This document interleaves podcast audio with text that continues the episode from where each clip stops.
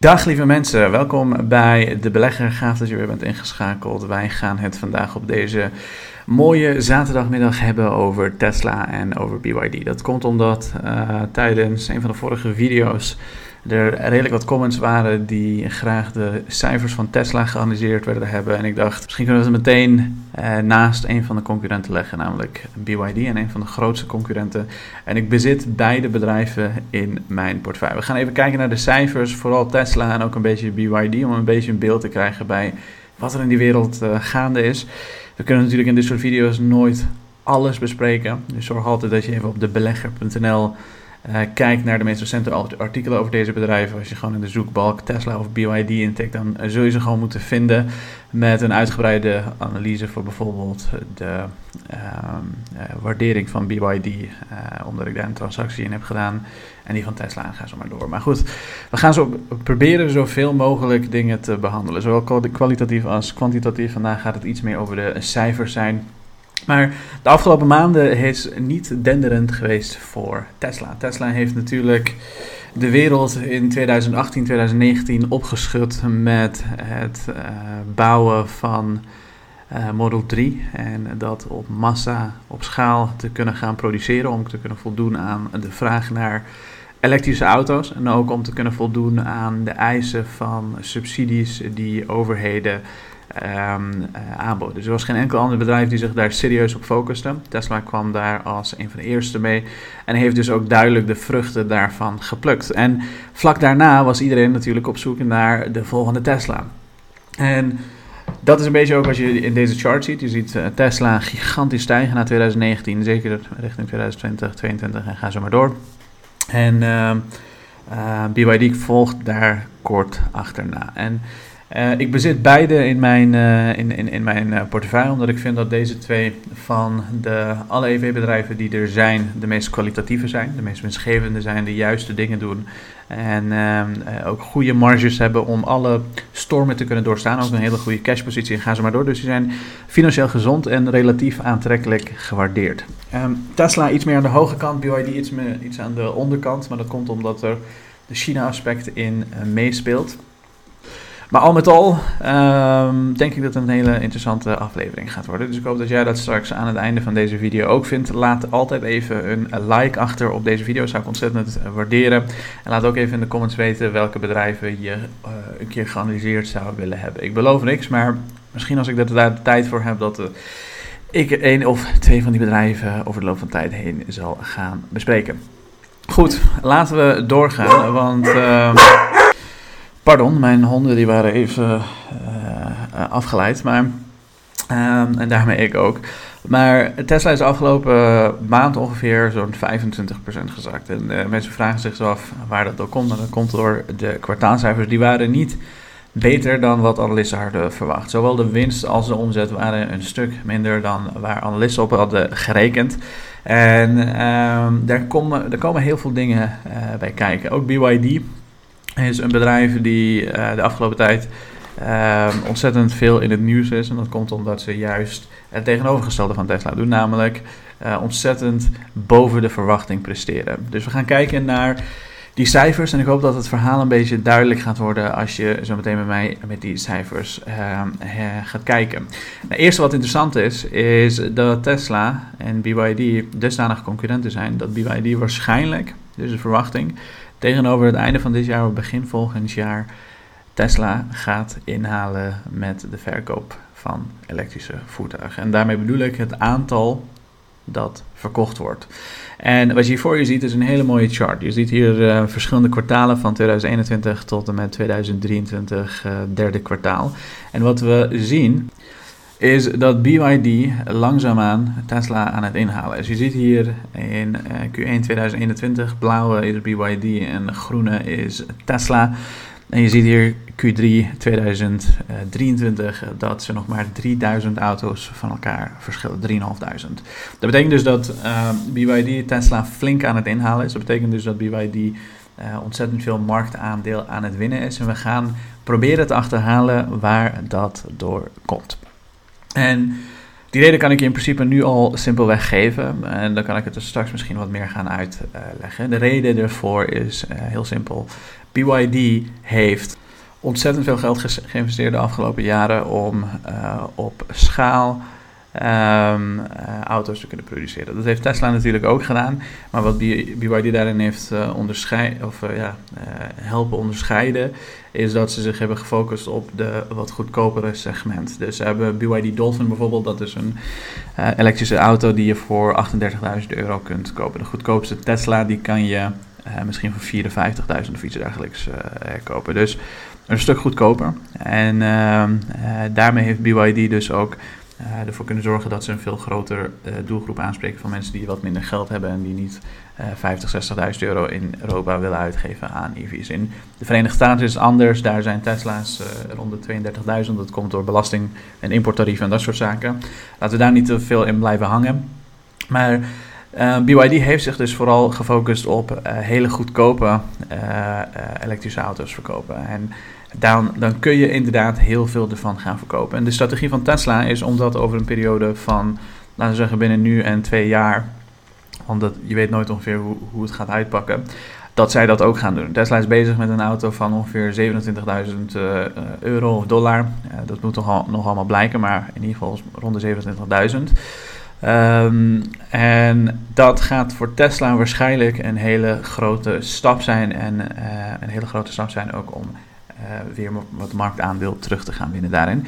Um, Tesla heeft namelijk een beperkt aantal modellen. Uh, grootste gedeelte zijn vooral luxe modellen geweest, maar als je echt um, uh, wil gaan opschalen richting een andere, ander type bedrijf, dan moet je ook als Tesla zijn de, de wat goedkopere Um, segmenten aan kunnen spreken.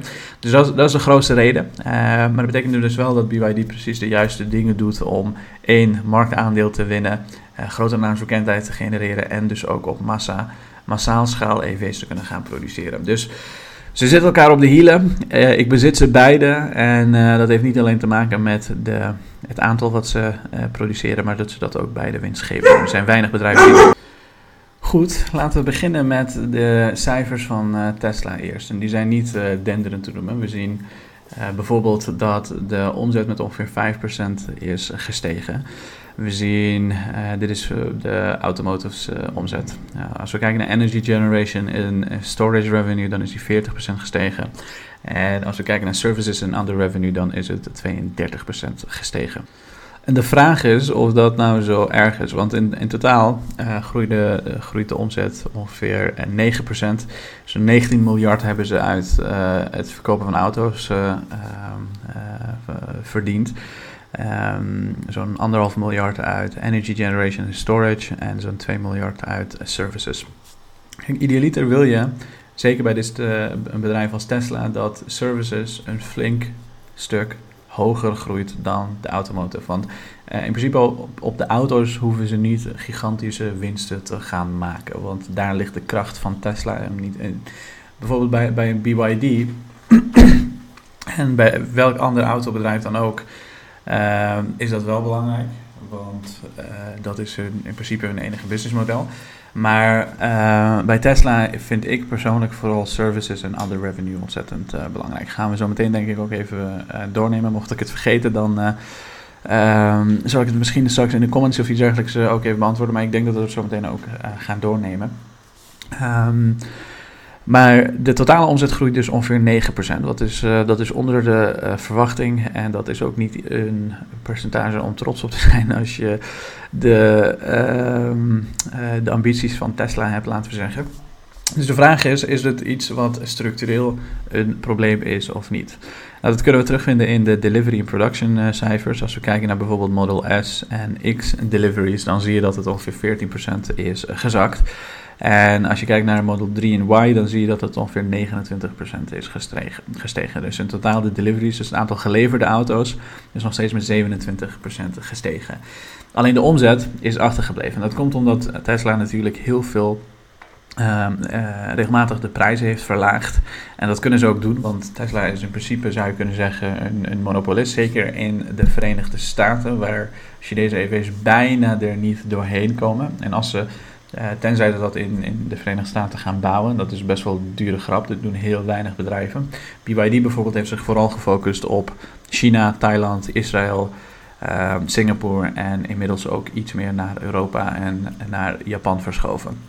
En uh, dat, dat, heeft allemaal met belastingregels en uh, al dat soort zaken te maken. Heel veel landen die willen zichzelf ook beschermen tegen de komst van al die Chinese producten.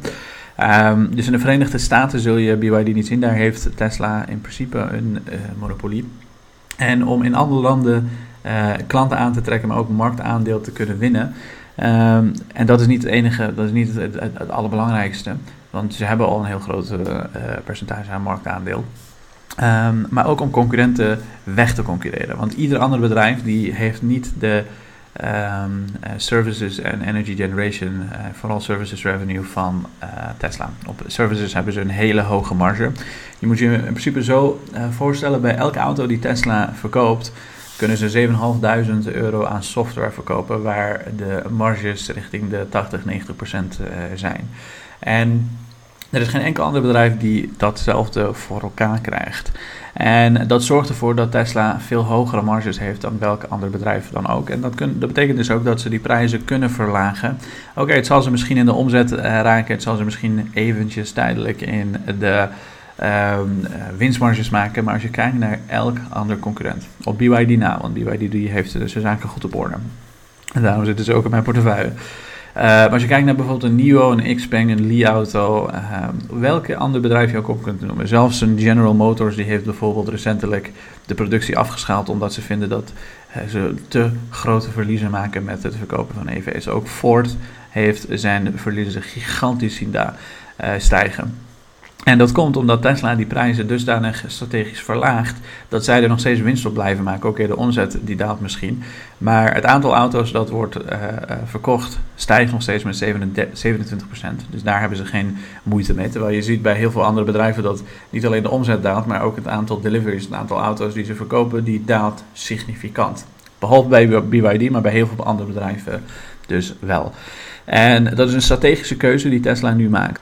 Daar geven ze dan misschien wel omzet in op, uh, maar blijven ze wel marktaandeel houden met de grote kans dat er heel veel services revenue later er ook nog verder uit uh, uh, wordt tevoorschijn getoverd, laten we zeggen.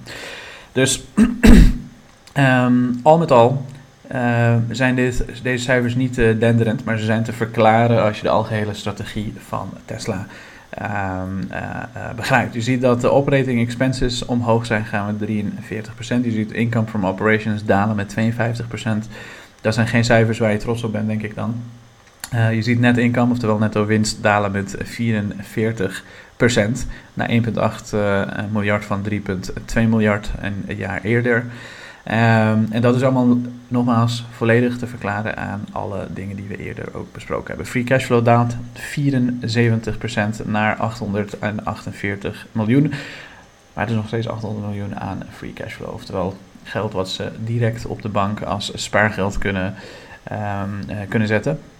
En wat je dan ook ziet is cash en cash equivalents, dus de totale kaspositie van Tesla, dat die 24% gestegen is. En dat is iets fantastisch. Dat betekent dus dat ze 26 miljard in de bank hebben die ze kunnen gebruiken om bijvoorbeeld meer gigafactories en dat soort dingen te kunnen gaan bouwen en alle andere projecten te kunnen faciliteren. Dus al met al, oké, ze ze, ze hebben onder, ondermaats voor, uh, gepresteerd. Uh, maar dit is iets van tijdelijke aard en het is een strategische keuze om dit op dit moment te kunnen doen. Laten we verder gaan in uh, de cijfers. Wat je ook ziet is de cost of, uh, cost of goods sold per vehicle. Het is een belangrijke, want um, dit is de exacte kosten die ze maken gemiddeld genomen voor alle auto's die Tesla produceert. En dan hebben we het niet alleen over de Model 3 die uh, een stuk goedkoper is dan de cost of goods sold, maar over alle auto's die je kunt uh, bedenken. Dit zal waarschijnlijk wel ietsjes hoger zijn nu de productie van de Cybertruck is uh, begonnen. Cybertrucks worden langzaamaan geleverd in de VS. In Europa zal het nog steeds wel een jaartje of twee, misschien wel drie duren voordat we denk ik een, een Cybertruck gaan zien. Ik heb zelf een, uh, een, een, een, een, reservering gedaan op een uh, Cybertruck. Dus ik hoop dat ik hem uiteindelijk ga krijgen. Maar ik denk niet dat ik drie jaar ga wachten. Ik denk toch dat ik mijn eerste Tesla zal gaan aanschaffen uh, binnenkort. Wanneer dat wordt, weet ik niet. Maar ik denk binnenkort. En dat zal waarschijnlijk een Model Y zijn, als ik, als ik het zo'n beetje goed, goed allemaal heb onderzocht. Maar je ziet dus de cost of goods sold per vehicle gaan omlaag. Dat heeft met schaalvoordelen te maken. Hoe meer auto's Tesla produceert, hoe uh, goedkoper uh, de producten uh, kunnen worden die ze bestellen bij hun leveranciers. Dat is A. Tesla wordt beter in het maken van de auto's. Hun ehm, gigafactories worden een stuk efficiënter en ga zo maar door. En daarmee kunnen ze dus ook die prijzen blijven verlagen. Concurrenten onder druk gaan zetten Oké, het gaat ten koste van de omzet op de korte termijn, maar op de lange termijn zullen ze een hele zwakke concurrentie uh, hebben die ze bijna niet kan bijbenen, omdat de cashpositie van Tesla omhoog blijft gaan. Dat de deliveries van Tesla flink blijven stijgen, maar dat de concurrentie flinke verliezen begint te maken. En er uiteindelijk misschien nog maar een klein aantal bedrijven overblijft die succesvol gaan zijn binnen de EV-industrie. En ik denk dat BYD en Tesla daar zeker eentje van zullen zijn. En Tesla waarschijnlijk een van de betere zal zijn, omdat ze natuurlijk veel meer dan een autobedrijf zijn. En om dat een beetje goed in kaart te brengen, moeten we even kijken naar een aantal eh, verschillende dingen. We zien bijvoorbeeld dat energy storage gigantisch hard is gegroeid. En dit zien we eigenlijk over de hele linie bij alle energy storage bedrijven. Ook bij Alphen. Uh, energy storage deployments increased by 90% year on year, year over year in Q3 to 4 gigawatt hours. Our highest quarterly development ever. Continued growth in deployment was driven by the ongoing ramp of our mega factory in La Torpe, California, toward full capacity of 40 gigawatt uh, hour with the phase 2 expansion production rate improved further sequentially in Q3. Er is ook giga, uh, mega, mega factories in uh, de VS die ervoor kunnen zorgen dat de energy storage uh, van Tesla flink blijft groeien. En daar is het vooral een kwestie van het kunnen leveren van die dingen, want de vraag is gigantisch. Ook als je kijkt naar een Alphen, 500% gegroeid in energy storage. Dus heel veel vraag en Tesla is daar niet de enige in die die groei ziet. Services en other uh, revenue is natuurlijk uh, gigantisch uh, gestegen. En um, ja, dat, zijn, dat zijn mooie dingen voor een, een bedrijf als Tesla om te zien. Want uiteindelijk, je wilt niet een bedrijf zijn die afhankelijk is van het verkopen van auto's. Je wil uiteindelijk een bedrijf zijn zoals Tesla, die auto's verkoopt voor relatief goedkoop. Daar hoeven ze in principe niet eens winst mee te maken als je het mij vraagt. Maar uh, een dusdanig goede software service leveren waar klanten bereid zijn om een, een prijs voor te betalen. Die hun leven significant verbetert, veel waarde levert. En daarmee dus ook een veel hogere marges kunnen creëren. Goed, genoeg over Tesla. We gaan zo meteen wel nog een aantal interessante nieuwsfeitjes uh, uh, bespreken. Maar ik had jullie denk ik ook even beloofd om het over services te hebben. Nou, dat hebben we al gehad. Dus laten we even doorgaan naar BYD. Kijk, BYD is natuurlijk een Chinees bedrijf. Dus het is een iets lastig bedrijf om te kunnen waarderen en serieus daar heel goed in te gaan kijken. Ook omdat ze relatief geheimzinnig zijn over de cijfers die ze rapporteren. Maar je moet je ook voorstellen, Warren Buffett zit hierin, Charlie Munger zit hierin. dus het is niet volledig bullshit wat ze hier proberen te verkopen. Er zitten serieuze zaken in. Maar als we heel simpel kijken naar de cijfers die ze recentelijk hebben gerapporteerd, dan zien we een aantal interessante dingen. er zijn cijfers over de afgelopen negen maanden vergeleken tegenover de afgelopen negen maanden, of de afgelopen drie kwartalen van een jaar eerder. We zien dat omzet met 30% is gegroeid. We zien dat gross profit met 91% is gegroeid, dus bruto winst. We zien dat uh, de netto winst met 146% is uh, gegroeid, daarmee dus ook de uh, earnings per share. En dat zijn mooie cijfers. Dat zijn precies de cijfers die je zou willen zien in een bedrijf als BYD. En wat misschien nog wel mooier is, is dat um, uh, als we kijken, als we een beetje die getallen of die jaars, of de afgelopen cijfers die ze hebben gerapporteerd uit elkaar beginnen te halen en iets dieper duiken op die cijfers. Dat je ziet dat het afgelopen kwartaal de winst met 82% is gegroeid. En daarmee daagt BYD, dus daadwerkelijk Tesla, uit als een van de concurrenten. Ze staan nogmaals bijna op gelijke voet met Tesla. Dus zelfs meer EV's die ze verkopen dan Tesla doet. En dat heeft. Um, ja, ze, ze, focussen zich natuurlijk net ook op een uh, wat andere markt. Maar het is wel een heel interessant bedrijf om te volgen. niet alleen een interessant bedrijf om te volgen, maar ook een bedrijf die financieel erg gezond is. We zien fantastische groei, we zien dat ze de juiste dingen doen, we zien dat ze op schaal kunnen produceren, we zien dat ze winstgevend zijn met de auto's. We zien ook een hele steady cashflow. Als we kijken naar de cash on hand van BYD, die blijft alsmaar groeien, gaat richting de 15 miljard. En als we kijken naar de total debt on, uh, in de balance sheet, dan zien we dat die, dat die schulden alsmaar blijven dalen. Dus zijn steeds minder schulden uh, uh, aan het maken. Sterker nog, zijn flink aan het aflossen van 10 miljard richting 4 miljard, iets minder dan 4 miljard zelfs. Ehm, terwijl de cashpositie blijft toenemen. En dat zijn precies de bedrijven die ik graag in mijn portefeuille heb. Lage schulden, hoge cashflows, hoge groei, relatief goede waarderingen.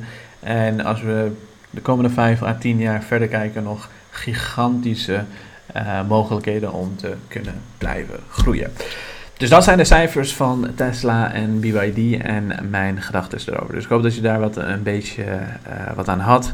Als we kijken naar de Global Electrical, uh, Electrified Vehicle Share Development, oftewel de, het marktaandeel die EV's aan het winnen zijn, of elektrische wagens, dan is het ook interessant om te zien dat dat gestaag blijft groeien. En dat zien we ook terug in de deliveries van Tesla. Deliveries van Tesla zijn zo'n 27% groei. Dan zien we terug in de deliveries van BYD. Dat zien we dan niet terug bij heel veel andere bedrijven, maar dat is precies de uh, truc. Dat is precies wat Tesla en BYD proberen voor elkaar te krijgen om al die bedrijven onder grote druk te zetten dat ze uh, ja, toch een beetje beginnen te wankelen. Dat hebben we natuurlijk gezien bij heel veel uh, bedrijven zoals een NIO en Xpeng en ga zo maar door. Um, dus dat, dat blijft gestaan groeien. Die vraag, uh, we zijn nog maar uh, op 12%, laten we zeggen op 13% van uh, de totale aantal auto's die richting um, die, die, die daadwerkelijk geëlektrificeerd moeten worden. Dus enorm veel potentie nog om dat richting 30, 40, 50% te, te, krijgen. Ik denk dat Tesla gigantische revenues en, en, en, en winsten gaat neerzetten tegen die tijd. Uh, wat ook interessant is, is dat dat niet overal zo is. Als we kijken naar Nederland, dan zien we toch dat het aantal autoverkopen voor het eerst dit jaar uh, gedaald is. Vorige maand zijn 28.000 auto's verkocht, 1,5% minder dan in dezelfde maand tegenover vorig jaar. En het is ook nog eens voor het eerst dat dit jaar het aantal verkopen kleiner is tegen, uh, dan dezelfde periode vorig jaar. En um, wat ook misschien interessant is, is volgens uh, de brancheorganisaties leidt onzekerheid over subsidies voor elektrische auto's ertoe dat kopers afwachtend zijn. Het is dus de eerste maand dat het aantal verkopers gedaald. Eerder dit jaar werden stijgingen van meer dan 40% genoteerd. Dus er is heel veel onzekerheid in de politiek in Nederland en uh, over subsidies, maar dat is niet het enige. Wat ook belangrijk is, is dat we zien dat over de hele wereld um, uh, auto aankopen op dit moment gewoon worden uitgesteld. Niet die van Tesla en BYD, want die worden nog steeds uh, flink goed gedeliverd. Maar dat zie je wel bij heel veel andere bedrijven, dat er steeds minder vraag is naar uh, auto's, specifiek elektrische auto's in Nederland dan vanwege de onzekerheid over subsidies voor elektrische auto's. We hebben bijvoorbeeld een omzicht die vrijwel dagelijks op uh, Nederlands tv roept dat hij uh, Tesla-subsidies wil afschaffen. Dan, dat zijn de elektrische wagensubsidies, dan noemt hij de Tesla-subsidies. dat gaat er wel voor zorgen dat we natuurlijk steeds minder in, in ieder geval Nederland gaan elektrificeren. Heel veel andere landen zullen daar anders over denken, maar in ieder geval in Nederland zal dat dan wel zo eventjes moeten zijn. Maar daarnaast is er natuurlijk ook een hogere rente. En uh, de meeste mensen die kopen auto's met een lening. Die hebben vaak niet 50, 60, 70.000 euro op de bank liggen om een auto te kopen. Die, die lenen dat vaak en betalen dat maandelijks af. En uh, dat is ook nu een stuk duurder geworden. Dus over de hele wereld zie je ook iets minder vraag naar leningen voor auto's. Sterker nog, er zijn heel veel mensen die hun leningen niet meer kunnen betalen als ze een auto hebben gekocht. Dus het zijn interessante tijden om in te leven en elk land is daarin dus ook anders. Wat ook interessant is, is dat we de directe sales die je net bij uh, uh, Tesla zag, als we hier even teruggaan, dan zie je Model S en Model X, dat zijn toch de meest luxere ja, auto's bij Tesla. Die worden 31% minder geproduceerd en 14% minder gedeliverd. Hoewel het hele mooie auto's zijn en ik zou die liter een Model S of een Model X uh, willen, kan ik je verzekeren. Kosten die dingen, kosten die dingen gigantisch veel. Dus uh, Model X zou ik wel echt heel fijn hebben gevonden. Uh, maar ik ga daar niet 120.000 euro voor betalen. Dus dan doe ik liever de Model Y voor iets minder dan de helft. En dat is ook een beetje de keuze waar heel veel mensen er nu voor staan. De luxe auto's, door de hogere rente, worden minder verkocht. En dat zien we ook terug in de cijfers van Panasonic, die batterijen maakt voor die auto's. We zien dat, hun, uh, dat ze hun winstoutlook en hun omzetoutlook flink hebben verlaagd. Sterker nog, ze verwachten 15% minder uh, winst te kunnen gaan maken. En ze hebben ehm, hele in, ja, takken binnen hun medewerkersbestand moeten laten gaan om te zorgen dat ze kunnen voldoen aan de gedaalde vraag, laten we zeggen.